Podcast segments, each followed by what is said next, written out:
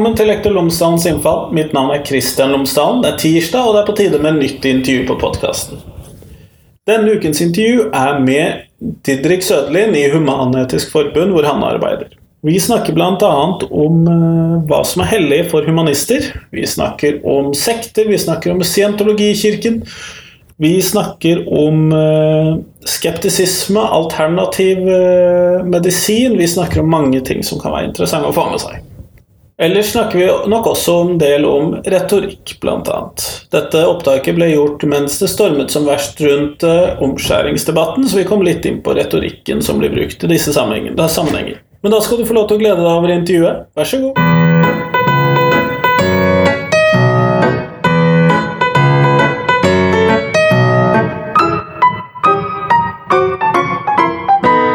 Tusen takk for at jeg har fått lov til å komme og prate med deg i dag, Didrik. Veldig hyggelig.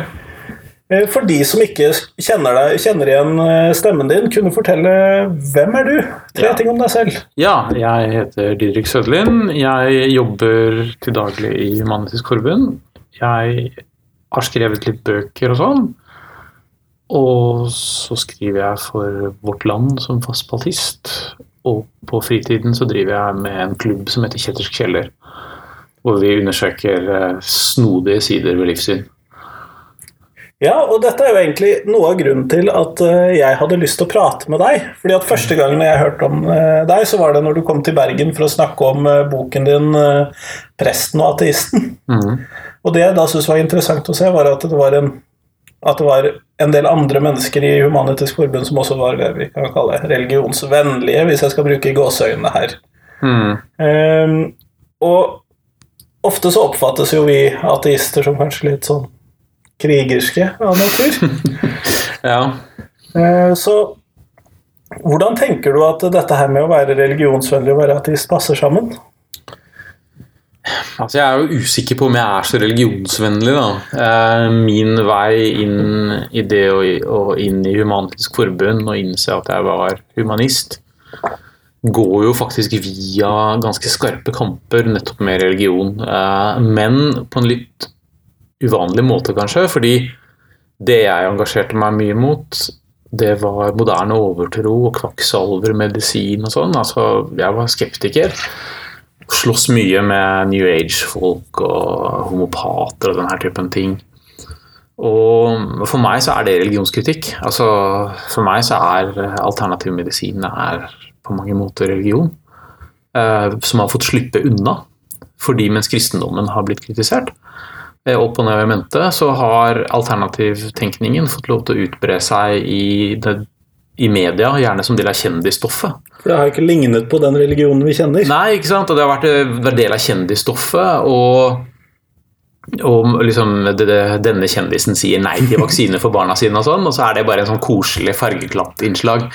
Mens, Uten kritikk overhodet. og- ja, ikke sant? Mens det å, å få det å ikke vaksinere barna sine er jo mye mer direkte skadelig enn å skremme dem med helvete. ikke sant?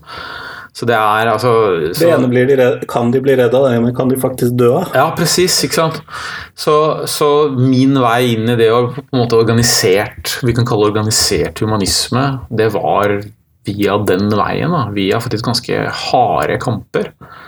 Eh, og som har jo kostet. altså Det florerer jo fremdeles artikler på nettet som henger ut meg som pedofil og sånne ting. ikke sant?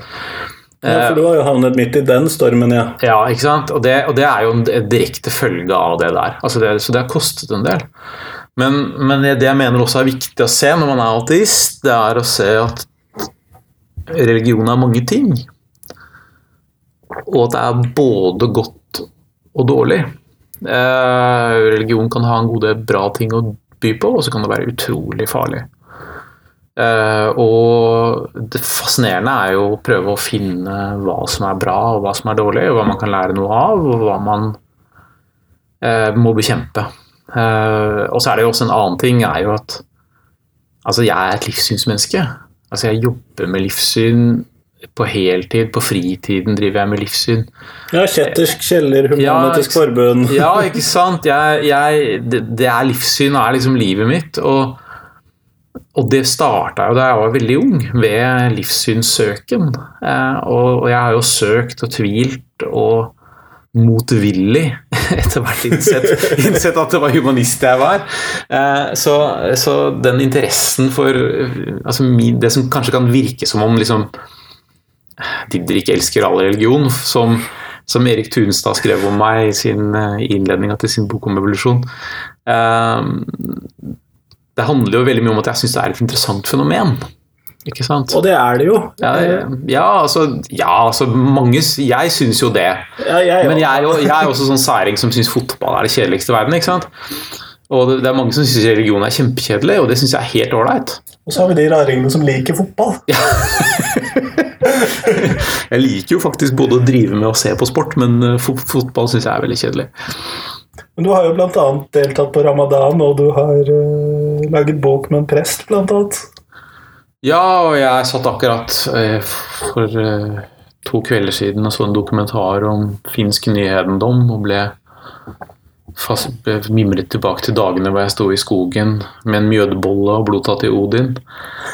Ikke sant? Og jeg har ofret mat til Krishna, og jeg har gjort ganske mange ting da, for å, for å liksom Du har testet ut det religiøse mangfoldet? Ja, en del av det iallfall. Altså, ikke sant? altså utforsket hvordan jeg reagerer på liksom, det hellige, og hva det hellige er for meg. og ikke sant? Altså, Sånne ting syns jeg er endeløst uh, interessant. Så det skal sies at dette er i liten grad gjort i, i arbeidstiden, da. det skal sies.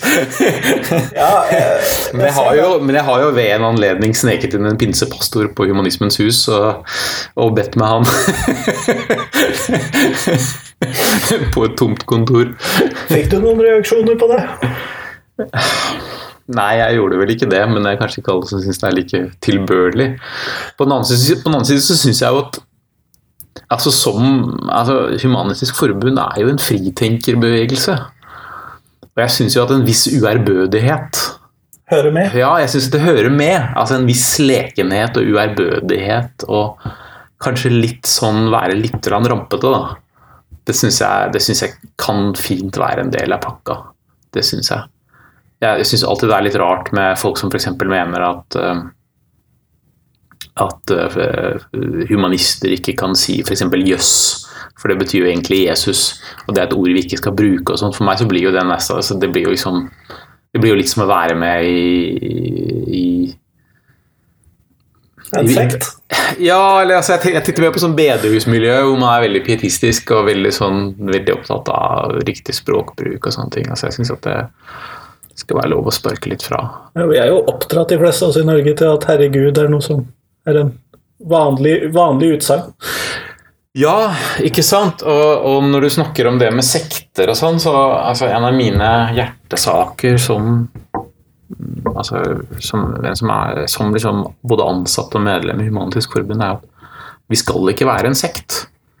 Vi skal ikke ha liksom egne kleskoder og eget, egen sjargong og, og, sånn. ikke sant? Vi skal være veldig mangfoldige, og vi skal være også mainstream. Eh, vi skal være liksom midt i, i sentrum av kulturen og, og, samfunnslivet. Og hvis vi begynner å ha sånn egen sånn sjargong, så blir det fort veldig farlig. Jeg husker en gang jeg var Jeg har alltid vært veldig fascinert av scientologi. Og øyeblikket du virkelig får den følelsen av hvor far out det faktisk er, er når du begynner å bli kjent med sjargongen deres. For de har jo sitt eget språk, ikke sant? Som høres vanlig ut. Ja, som høres litt vanlig ut, bortsett fra mye sånn amerika... Eh, så, og, men skjønner du liksom altså, Det er noe av det som virkelig gjør at jeg får piggene ut. da. Og skjønner at dette er liksom et eh, Dette, dette, dette er, litt, dette er, dette er litt skummelt. Når ordene ikke lenger har den samme betydningen som i storsamfunnet? Ja, eller, har, eller de har en sånn egen sjargong som høres litt ut som en sånn indre kode. Ikke sant? Indre røverspråk. Uh, og det syns jeg er veldig, veldig ja, For meg så er det en veldig avtenning, da. Mm. Men, uh, men, noen ganger så blir man jo som humanist beskyldt for at uh, man bare er en annen religion og sånn. Men hvis man da skal ta det til følge, hva er det som er hellig for humanister? Hvis vi skal prøve å dra den? Hva er det vi oppfatter som hellig? Altså, jeg oppfatter ingenting som hellig.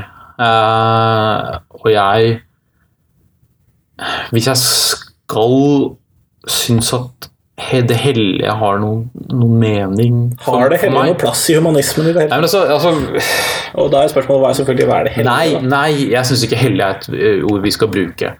For meg så betyr altså For meg så kan jeg kanskje forholde meg til fordi, fordi for meg så betyr hellig noe altså noe som har et eller annet med Gud eller en, en eller annen religiøs dimensjon å gjøre.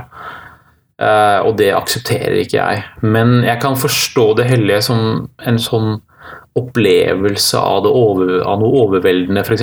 Mysterium tremendum et fascinans, som Rudolf Otto kalte det.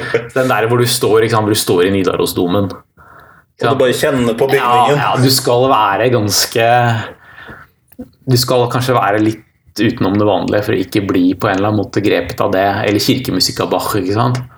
Men, men Ja, Det var egentlig Men- da jeg følte at jeg virkelig var ateist, var når jeg liksom ikke ble religiøs og gå inn i Peterkirken. Men bare kunne kjenne på opplevelsen og uten å føle at det var en gud der av det. Ja, presis, men, men, men man blir jo overveldet av det som et menneskelig skaperverk, ikke sant? Ja, ja. Eh, og som humanist så er jo Peterskirken og Nidarosdomen for meg flotte monumenter over menneskelig skaperkraft og fantasi. Men, men jeg syns ikke hellig er noe begrep vi skal bruke. Men hvis vi skal bruke det sånn, sånn kollokvialt, så tror jeg f.eks. at sånne ting som menneskeverdet, eh, demokratiet Retten til å være annerledes, altså religionsfrihet, sånne ting, er ting jeg syns vi kanskje bør hegne såpass mye om at det begynner å ligne på noe som kanskje kalles hellig. Men samtidig så syns jeg ikke at vi skal omgås det på med en ærbødighet heller som som man forbinder med det hellige. At det hellige er liksom ikke noe man tøyser med. altså jeg er f.eks. demokrat på min hals, men for et par år siden så skulle Humanistisk Ungdom ha eh, sommerleir, og hvor temaet skulle være demokrati. Så sa jeg det er det kjedeligste jeg har hørt om noen gang. Eh, og hvis jeg skal være med på den, som jeg ofte er, da, så skal jeg være antidemokrat. Så, så jeg og min kompis Christian Birkelo vi kjørte da et eh, frontalangrep på demokratiet. Med alle de beste argumentene vi hadde fra ytre høyre, ytre venstre og religiøse grupper. Altså gode argumenter mot demokratiet. Ikke Det er sant? nettopp sånn man lærer seg å sikre demokratiet. Ja, presis, presis. Men det er jo, og, og det var jo veldig morsomt å se, fordi alle de, alle de humanistisk ungdom sant? De, er jo, de er jo en så uforskammet oppegående gjeng, så de skjønte jo med en gang hva vi holdt på med, og tok til motmæle og, og saboterte og liksom sabla ned alle argumentene våre veldig fort. Men, men, men det er nettopp en sånn uærbødig holdning til det vi selv tror på, som jeg syns er viktig. Og det øyeblikket vi helliggjør noe, så slutter vi ut å undersøke det kritisk. Og for meg så er en veldig viktig del av det å være humanist, det er å ha et kritisk forhold til vårt eget livssyn. Og av og til så synes jeg at vårt forhold til da, det er særlig menneskerettighetene jeg føler at uh, humanismen ofte kan ha et religiøst forhold til. Mm. Eh, ikke fordi at ikke menneskerettighetene er viktige, men jeg tror vi ikke alltid evner å se at eh, menneskerettighetene krasjer og er relative i forhold til hverandre. Ofte. Ja, det er jo sant. Og jeg skal skrive bok om religionsfrihet, hvor nettopp det skal handle om hvordan forskjellige rettigheter og, og friheter og sånn krasjer mot hverandre. Og hvordan man kan Foreldrenes rettigheter og barnas rettigheter og staten og Ja, ikke sant? Uh, og det er jo ofte sånn hvor gode hensikter står mot hverandre. Og da må man bruke hodet og menneskerettighetsjussen og sånne ting. Men, men, eh, men jeg vet ikke om jeg syns altså Mitt inntrykk er at alle oppegående humanister skjønner de avveiningene der. Og at de må lande, og de skjønner at de må lande på en eller annen posisjon, selv om den andre posisjonen også kan være, kan kan være bra. Ikke sant? Det er jo veldig ofte de vanskelige spørsmålene, de, de, de spørsmålene hvor det er gode argumenter mot gode argumenter som blir vanskelige. De som ikke er lette avgjørelser å ta. Ja, presis. Presis. Og nettopp da blir det jo viktig å, å kunne bevare et, et meningsmangfold i de humanistiske miljøene. At man kan ha pågående diskusjoner. Eutanasi er et strålende eksempel på det, hvor du kan ha veldig gode eh, humanistiske argumenter både for og mot. Ja, for der har vel forbundet valgt å ikke ta et standpunkt nettopp av den grunn. Presis. Eh, og det, det tror jeg er veldig klokt. Eh, for det er en sånn ting, Ikke minst fordi det kan splitte forbundet veldig. At det er en sak hvor humanister kan, kan havne på forskjellige posisjoner, samtidig som det vekker enormt sterke følelser. Med rette. Så det kan ha, det kan ha veldig katastrofale følger for forbundet. Ja. Eh, Så det er jo vanskelige spørsmål som da ligger i humanismen. Mm. Jeg regner med at det er flere av den type saker som du da kommer inn på når du da skal skrive om religionsfriheten. Ja, det er jo en smørbrødliste med, med vanskelige ting, ikke sant? Fra snurrebasser til hodeplagg, for å si det sånn. Ja, Så det er veldig Fra topp til tå. Ja, ikke sant? Eh, Men det- eh, du var jo nettopp ute i det tidspunktet vi tar opp dette. Det vil jo ha gått noen uker når Mm. andre hører på dette, men eh, du var jo nettopp da ute med denne saken din om retorikken rundt omskjæring i vårt land. Mm.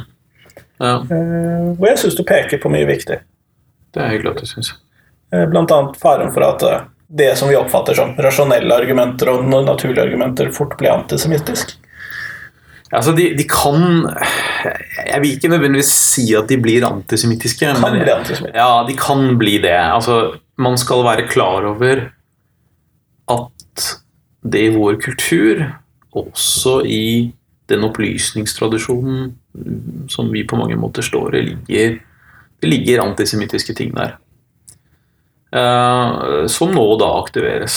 Eh, og, men jeg tror mer det handler om andre ting. og Det handler om ting som jeg begynte å skrive om veldig tidlig da jeg rotet meg borti Humanitisk Forbund. Eh, Jeg husker blant annet jeg intervjuet Bernt Hagtvedt om potensialet for en liksom autoritær humanisme. Ja, det er Hvor det, det. Ja, nei, nettopp det der at man Ikke sant? Man, man setter seg selv på histori den historiske utviklingens toppunkt. Som liksom det nullpunktet for alt. Den som har alle svarene. Eh, og, har alle, og har fasiten med to streker under og stjerne i margen. Og så begynner man da å vil bruke sanksjoner Mot alle de andre. mot alle de som ikke har skjønt disse inn- selvinnlysende tingene. Og da, man, da blir det fort ganske stygt. Uh, og jeg mener at man som humanist bør tenke litt gjennom det. Jeg mener også at liksom, det har noe å gjøre med f.eks. hvordan man forholder seg til annerledeshet. Uh, jødene i Norge er kanskje den mest utsatte minoriteten vi har.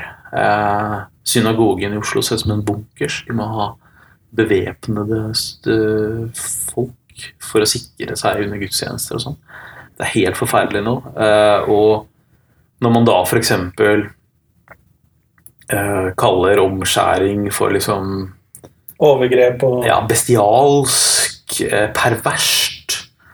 Ikke sant? Sammenligner eh, altså, altså, ikke sant? altså Snakker om å liksom tukle med små barn som om det liksom er snakk om liksom, seksuelle overgrep. Altså, altså? Når man er over på den der greia der, så, blir det, så er man med på å på å bære ved til et bål som er ganske stygt. Da. Det betyr jo selvfølgelig ikke at man kan synes at omskjæring er feil eh, som det fins gode grunner for å synes. Men, men det handler litt om hvordan man retorikken og Ja, det handler litt om å kalibrere skytset. Ikke sant? Litt etter Litt etter majoritet og minoritetsgreier og sånn, ikke sant? Altså Man skal være litt klar over at Altså som som hvit, heterofil, etnisk norsk mann, så står jeg i en ganske privilegert posisjon. Det er ikke så stor fare for at noen skal ramme deg, liksom. Nei, ikke sant? det er noe med det. Eh, og da skal man Syns jeg det er fint å ha, prøve å ha litt forståelse for hvordan det f.eks. er å være liksom trans eller jøde eller eller eh, mørk i huden eller et eller annet sånt. ikke sant? Jeg syns faktisk at det er en Jeg synes det er en ålreit ting. da. Og, prøve å sette seg litt inn i hvordan det, hvordan det oppleves. Ja. Men Didrik, om vi skal ta oss og gå til noe helt annet Fordi at eh, Human-Etisk Forbund vi arrangerer jo en del seremonier. Mm. Um, og av og til så hender det at vi møter kritikk for at vi i det hele tatt har seremonier. Mm. Man burde jo ikke trenge dette som moderne opplyste mennesker i 2017 osv. Den type argumentasjon. Men hvilken rolle Hvorfor har vi disse seremoniene? Altså, Hvorfor har mennesker seremonier? Det er jo eh, tydelig at vi alltid har hatt dem. Og det at mennesker til alle tider, alle steder, har hatt seremonier, tyder jo på at det er en grunnleggende ting ved det å være menneske. Det er noe av det vi mennesker kanskje ikke nødvendigvis har behov for, men i hvert fall veldig mange av oss syns vi har godt av. Da. Um, og det er jo i seg selv en grunn til at en organisasjon som tar utgangspunkt i mennesket, uh, har disse seremoniene. Og jeg ser ikke noen motsetning til det å være Jeg er jo ganske konservativ, så jeg syns at det der 'nå lever vi i år 2017'-argumentet ikke holder. Jeg mener jo heller at nå som vi lever i år 2017, så bør vi være opplyste nok til å skjønne at det at vi lever i år 2017 ikke er noe argument. Um, sånn at at jeg skjønner, jeg skjønner, ikke helt innvendingen. Men det er klart, noen er jo, syns jo at seremonier er bortkastet tid. Og det er et ærlig standpunkt. Uh, men jeg syns de er dypt meningsfulle. Det må jeg si. Og jeg har jo hatt æren av å være, være konfirmasjonstale ved en masse anledninger, f.eks. Og det det er veldig fint å holde tale for konfirmantene. Ja, det føles, det føles, fint, og man merker at det blir satt pris på. Det er også en veldig fin måte å vise at humanismen er et eget livssyn. altså Hvis du tenker rent sånn organisasjonstaktisk. Så det er en veldig fin måte å vise at for det første er humanismen et eget livssyn, og at Human-Etisk Forbund er en organisasjon med et, en positiv side. Som, som sier at altså, vi, vi tilbyr faktisk noe. Ikke sant? Her møter du oss i en positiv sammenheng. Ja, presis. Vi blir jo litt for ofte fanget i en sånn mediedramaturgi hvor vi liksom må være de som hele tiden protesterer og sånn. Og det er jo en viktig ting å gjøre, det. når Vi skal jo kjempe for våre saker. Men, men, men vi er jo også en livssynsorganisasjon. Altså, det er jo også det vi står for.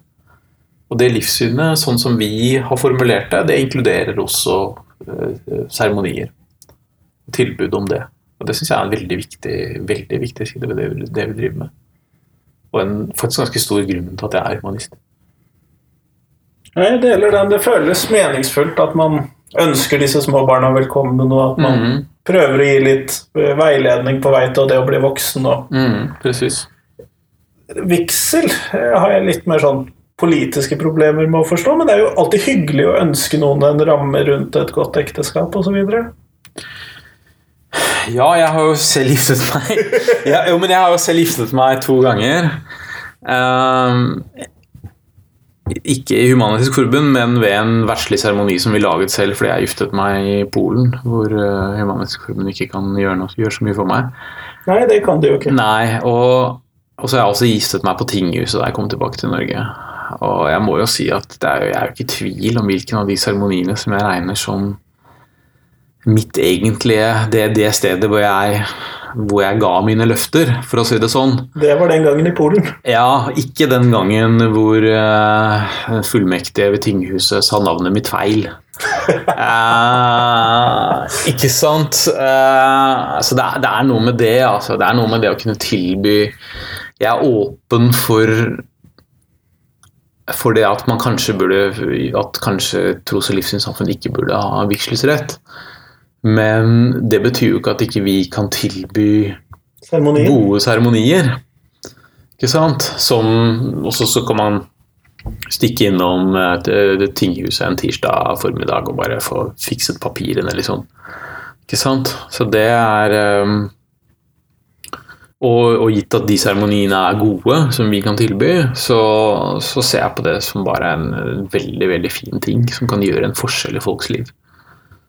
Ja, nei, Misforstå meg rett, fordi at sånn livssynsmessig så er jeg veldig for at vi skal ha vigsel, ja. men sånn politisk så er ekteskapsinstitusjonen litt vanskeligere. Mm. Mer sånn enn selve seremonien i seg selv. Ja, ja. Nei, jeg er veldig for ekteskap, da. Jeg er veldig Men, men det kan man jo ha forskjellige meninger om. Jeg syns ekteskap er en kjempefin institusjon. Og det er jo en av grunnene til at jeg er glad for at Humanisk Forbund eh, tilbyr akkurat tilbyr vigsler. Ja, og tilbyr vigsler. Jeg er altså veldig stolt over, og, over at vi uh, tilbyr det for folk uansett, uansett kjønn og legning og sånn. Det syns jeg altså er helt supert. Ja, der var vi ganske tidlig. Ja, presis. Men hvis vi eh, skal se litt grann til England, se litt grann til USA, så ser vi det at det har dukket fram en slags sånn Det het vel Sunday Assembly, hvor man møtes og har gudstjenestelignende Mm. treff hvor man synger og spiller musikk og snakker kanskje om et viktig tema for dagen, og sånn, men helt uten at det handler om eh, religion.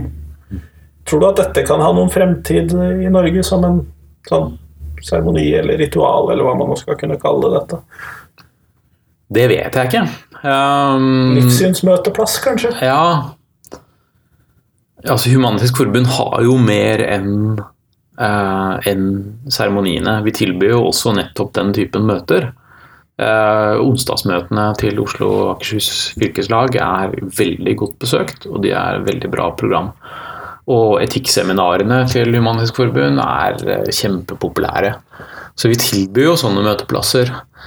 Men sånn Sunday Assembly-ting Det kan være at det er et marked for det, men mitt inntrykk har vært litt at kanskje er mer tilpassa en amerikansk virkelighet, hvor det å ikke være troende er noe veldig rart. Så du kanskje har et større behov for å møte folk som er som deg. Jeg kan godt forstå det hvis jeg hadde bodd i det amerikanske bibelbeltet, så hadde jeg hatt et intenst behov for å treffe andre humanister jevnlig. Noen som ikke bare ville påstå at du havnet i helvete hver onsdag? Ja, presis. Jeg tror det ville vært veldig veldig befriende. Men på den annen side jeg, så møter jeg meg sjøl litt i døra, fordi jeg har jo drevet med vår klubb Kjettersk kjeller i 13 år nå. Og Hva gjør dere på det kristne, kristne som har vært på det, har jo sagt ting som at ja, men dette er jo som en menighet. Ikke sant? Hvor de kommer sammen en eh, Ja, hvor mange på en vanlig kveld så er vi kanskje mellom 70 og 100 mennesker. Det er mange. Ja, det er mange. Og så kommer man sammen, så spiser man, så drikker man noe godt, og så spilles det musikk, og så hører man foredrag om et eller annet snodig noe, og så er det en spørsmålsrunde, og så er det sosialisering eh, og sånn, ikke sant? Og så har man det forferdelig morsomt. Det høres litt ut som disse fredagstacoene i menigheten til kjæresten min, egentlig. Ja, det skulle, skulle ikke Dog uten noe godt å drikke. Det skulle ikke forbause meg. og ja, altså, det er jo mye godt alkoholfritt å drikke. Jeg er jo nesten avholdsmann selv.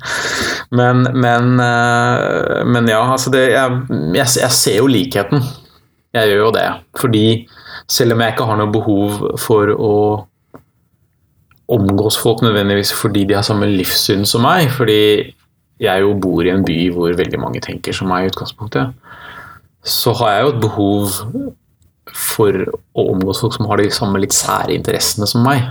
Ikke sant? Som syns at et foredrag om liksom heksebevegelsens, heksebevegelsens historie, f.eks., er en kul ting å høre på på en onsdagskveld. Ja, det er jo en av de tingene som er litt synd med å ikke bo i Oslo, er jo å ikke kunne få med seg sånne ting. Du får komme deg, vet du. Ikke så langt. Så Men, men altså så, så jeg, Ja, men, men folk har bare ganske forskjellige behov. Og hvis noen vil prøve sånn Sunday Assembly-greie, så er det jo bare å prøve. Tror den skal være vanskelig å dra i gang, egentlig. Det er noen i Oslo som driver noe de kaller for KRLE for voksne. Jaha. Eh, som høres litt sånn Sunday Assembly ut. Eh, men fordi jeg har vært syk i et halvår, så har jeg ikke klart å få med meg noen av dem. Eh, men Men eh, Men det, er, det gjøres lignende ting her, og mitt inntrykk er at de er en suksess. Så bra. Det er jo alltid gøy når noen får til noe på livssyns eller på religionsvitenskap eller på informasjonsfronten. Det er jo alltid gøy. Ja, og så er det også gøy at når noen gjør det, gjør noe som er gøy. Eh, som har med livssyn å gjøre. For, for meg som syns livssyn er veldig, veldig gøy. Ikke sant? Så det, det er mye å glede seg over der. Mm. Jeg deler jo litt av denne nerdetheten som religionsviter, så gjør jeg jo Mm, det. ja. Ehm, men hvis vi da skulle ta oss og prøve å tenke litt hvor, Har du noen tanker om hvordan humanismen som bevegelse står om et tiår eller 20 år? Eller? Jeg tror det er en bevegelse med framtida foran seg. Um, For det vi ser, er jo at selv om det her er Max Weber-perspektivet fra gamle dager om at bare folk blir opplyst nok, så slutter de å være religiøse, ikke slår til, så peker jo kurvene for religiøsitet nedover. De gjør jo det. Um, og vi trenger fremdeles etikk og moral. Vi trenger seremonier. Vi trenger etisk og eksistensiell refleksjon. Vi trenger sånne ting, og humanismen har gode ting å levere her. Som gjør at vi kan fylle Vi kan, vi kan hjelpe til å fylle det eventuelle gapet som oppstår når religionen forsvinner. Da. Så jeg håper jo at det er et livssyn har, og en bevegelse som har fremtiden foran seg. Eh, Men det krever jo også at man tar inn over seg at man må forandre seg med tiden. Det gjør det jo. Og, og man skal kjempe sine saker, men man trenger kanskje ikke på en måte kjempe sakene fra 70-tallet. Og jeg, jeg har litt sånn tro på en humanisme som blir stadig bredere ved at det blir mange måter å være humanist på, ikke sant? For det, det, det jeg har sett litt grann tendenser til, er jo at ikke sant? veldig mange av de gamle fordommene om humanitisk forbund som kanskje hadde noe for seg en gang i tiden. Som liksom at liksom alle var SV-ere, og jeg hørte Are, hørte Are Kalve snakke liksom sånn der, liksom sånn her humanistisk. Det var liksom bare SV-ere som gikk i brun korkfløyel og sånn. Ikke sant? Og det, og det er jo fordommer som kanskje hadde noe for seg en eller annen gang da han ble konfirmert, ikke sant? I, i 1900 og Hvitgård. Men det som er kult, er jo å se at humanistisk problem blir likere og likere hovedstrømmen i samfunnet. ikke sant? At det er ikke, det er ikke en subkultur. Det er ikke en sekt. Det gjenspeiler det norske samfunnet og bredden i det norske samfunnet av på en måte livsstiler og og politiske holdninger og sånn. Det er ikke bare akademikere og frikere lenger. Presis, og det syns jeg er veldig veldig viktig å betone. da. Det syns jeg.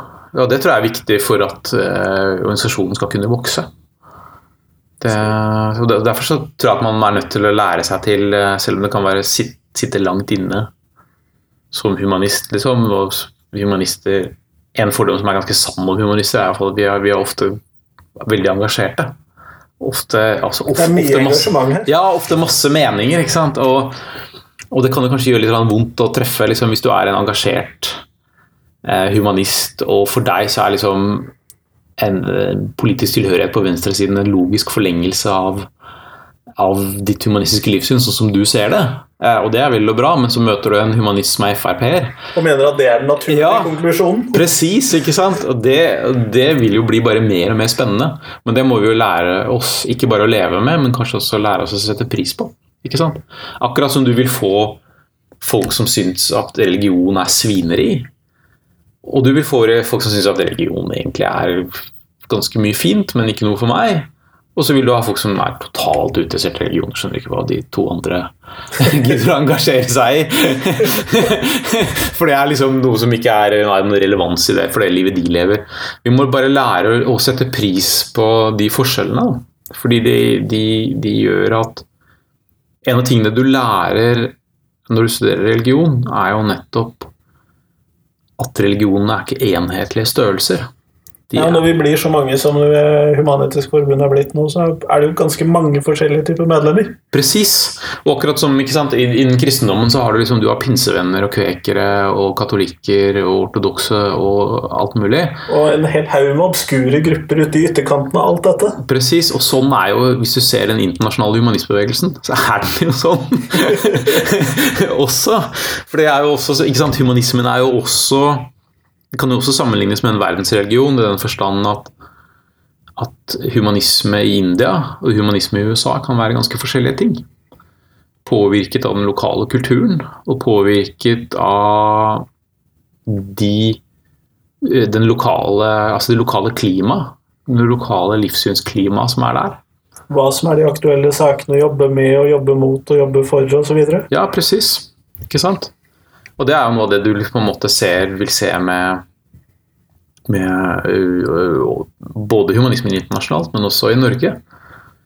Uh, jeg vil jo tro at veldig mange unge mennesker som vokser opp sant, i Oslo, de har jo aldri hatt noen negative opplevelser med kristendommen, f.eks. Ikke sant? Så det å liksom skulle liksom selge ideen om at liksom Vi er mot kristendom. Ja, ikke sant? Det, liksom, det, blir så, det blir litt sånn meningsløst, da. Ja. Ikke sant? Hvis de har negative erfaringer med, med religion, så vil det f.eks. i større grad være enten New Age-lignende ting. Ikke sant? Sånn der The Secret eller konspirasjonstenkning, andre sånne der, litt sånn der religionslignende strukturer som har blitt med oss inn. altså eller sånn glutendemonologi. Ikke sant? Før i tida så skyldte vi alt på Satan, nå skylder vi alt på gluten. Noen- eller, eller med islam, eksempel. Ja. Som jo også en, blir mer og mer, på mange måter mer og mer eh, relevant problemstilling. Da. Mm. Samtidig så møter jo ikke elevene dette i så stor grad i skolen. Det vil si som en sånn organisert struktur, så det blir kanskje ikke like lett å få en negativ opplevelse knyttet til det. sånn som Nei, presis. Men jeg tror nok allerede jeg altså Jeg er jo blitt 46 år, men jeg tror aldri jeg kan si noen gang i mitt liv at kristendommen har vært noen, at jeg har hatt noen negativ opplevelse med kristentro. Altså virkelig aldri. Ehm, og det var nok en av grunnene til at jeg at det, det satt så langt inne for meg også å erkjenne at det var livssynshumanist jeg var. Fordi jeg, jeg hadde, som en del andre, fordommer mot Human-Etisk Forbund, dessverre. Og mot humanister. Her også? Ja, ikke sant? Og så helt til jeg oppdaget at det var jo dette jeg faktisk var, eh, og det var her jeg hørte hjemme. Eh, Men men liksom det der, altså liksom en organisasjon som jeg oppfattet som en sånn kamporganisasjon mot kristendom, det, det appellerte jo ikke til meg. Det gjorde jo ikke det. Så Og det er jeg jo glad for at Humanitetsforbundet Human-Etisk i liten grad er nå. Ja, presis, men, men fordommene henger igjen. Det gjør de. Og det er jo en av grunnene til at jeg f.eks. er glad for å, for å være spaltist i Vårt Land, for eksempel, fordi det er en sånn veldig sånn Når folk altså, det, det er for meg et godt kort å ha i ermet. Jeg mistenker at Vårt Land får litt kjeft for å ha det der. uh, Eh, ifølge Vårt Land så er jeg visst en av de spaltistene som treffer best. Ja, ja. og skaper mest interesse. Så det er det var en fordom jeg hadde. Ja, ikke sant? Jo, vi har mange, altså, vi har mange fordommer. En av de mest interessante samtalene jeg hadde da jeg begynte å jobbe i Humanisk Forbund, det var med Dag Nygaard, som da var leder i Frikirkerådet. Vi kom fram til at de frikirkeliges fordommer om Human-Etisk Forbund og Human-Etisk Forbunds fordommer om de frikirkelige var temmelig like. Det er jo ganske gøy å se, da. Ja, det er veldig morsomt. Men det handler jo litt om at altså, mennesker er akk så menneskelige. Eh, og det gjelder også humanister. Det gjør jo det. Derfor kan vi kanskje da havne litt ovenpå i f.eks. dette med rasjonalitet. Og dette er 2017 og Ja. Men altså, rasjonalitet er jo en, en viktig humanistisk kjerneverdi. Eh, som vi skal jobbe hardt for, syns jeg. Men vi må jo ikke forveksle det med å tro at vi er rasjonelle. Jeg er veldig for rasjonalitet, eh, og jeg er jo bl.a. gammel forskningsjournalist. og sånn, Jeg er veldig opptatt av, jeg syns vitenskap er helt supert. Sånn, men jeg, jeg vet jo at jeg er utrolig irrasjonell.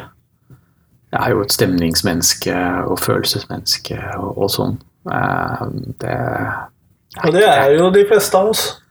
ja i, større eller, ja, i større eller mindre grad. Hos meg er det nok kanskje større. At jeg i veldig stor grad forholder meg til eh, Ja, jeg, jeg er opptatt av å ha et livssyn som jeg oppfatter som rasjonelt. Og vitenskap og sånn, men, men alt som gir livet mitt liksom farge og smak, er jo det som ligger utenfor rasjonaliteten. Ikke sant? Og jeg begynner mer og mer å lure på om kanskje noe av det mest rasjonelle, man kan gjøre, er å sette er å forstå at man er irrasjonell, og, og sørge for at irrasjonaliteten har trygge arenaer å, eh, boltre seg på.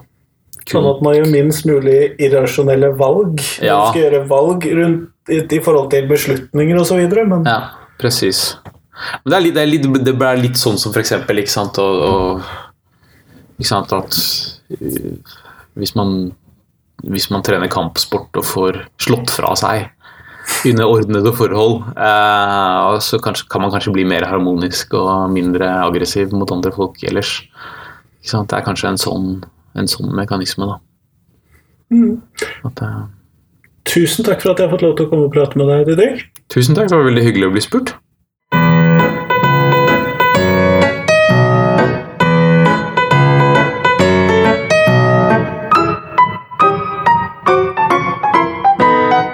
Tusen takk til Didrik, og tusen takk til deg som hører på.